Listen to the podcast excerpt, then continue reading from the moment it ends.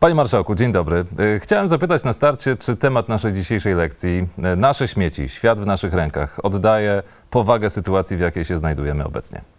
Na każdym etapie jest coś do zrobienia dla kogoś. Tak naprawdę z jednej strony to regulacje dla producentów, aby oni także spełniali pewne wymagania środowiskowe, ale dla nas jest także sporo spraw do, do zorganizowania, do zadbania. E, w- Kupujemy w foliowych woreczkach, pijemy z plastikowych butelek, a przecież moglibyśmy mieć wielokrotnego użytku siatkę albo pić z plastikowych zamiast plastikowych ze szklanych butelek.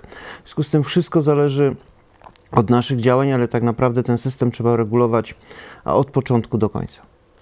Czy bardziej racjonalne gospodarowanie odpadami może przełożyć się na obniżenie stawek za wywóz śmieci, czy raczej tutaj podwyżki, mówię tutaj o przyszłości, są nieuniknione?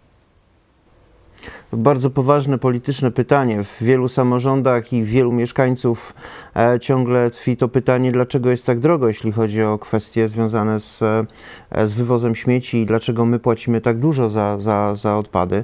To jest jednak pytanie, które w, wymaga takiej ogólnopolskiej, poważnej refleksji e, i zastanowienia się także na, na poziomie parlamentarzystów, e, którzy w, przygotowali ustawę, e, która w konsekwencji spowodowała podwyżki cen e, śmieci.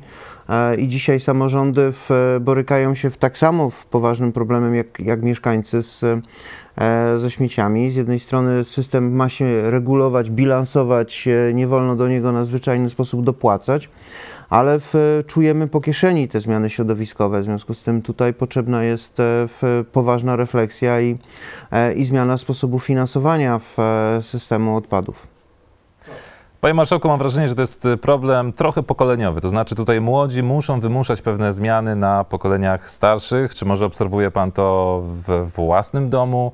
E, Rozumiem, że jest Pan też ojcem e, dzieci, e, też w wieku pewnie naszych odbiorców, dlatego jak oni wywierają presję, czy ta presja środowiskowa jest zauważalna, czy jest dobra i co my jako starsi możemy zrobić wobec też starszego pokolenia? Myślę, że to jest prawdziwa rewolucja młodych ludzi.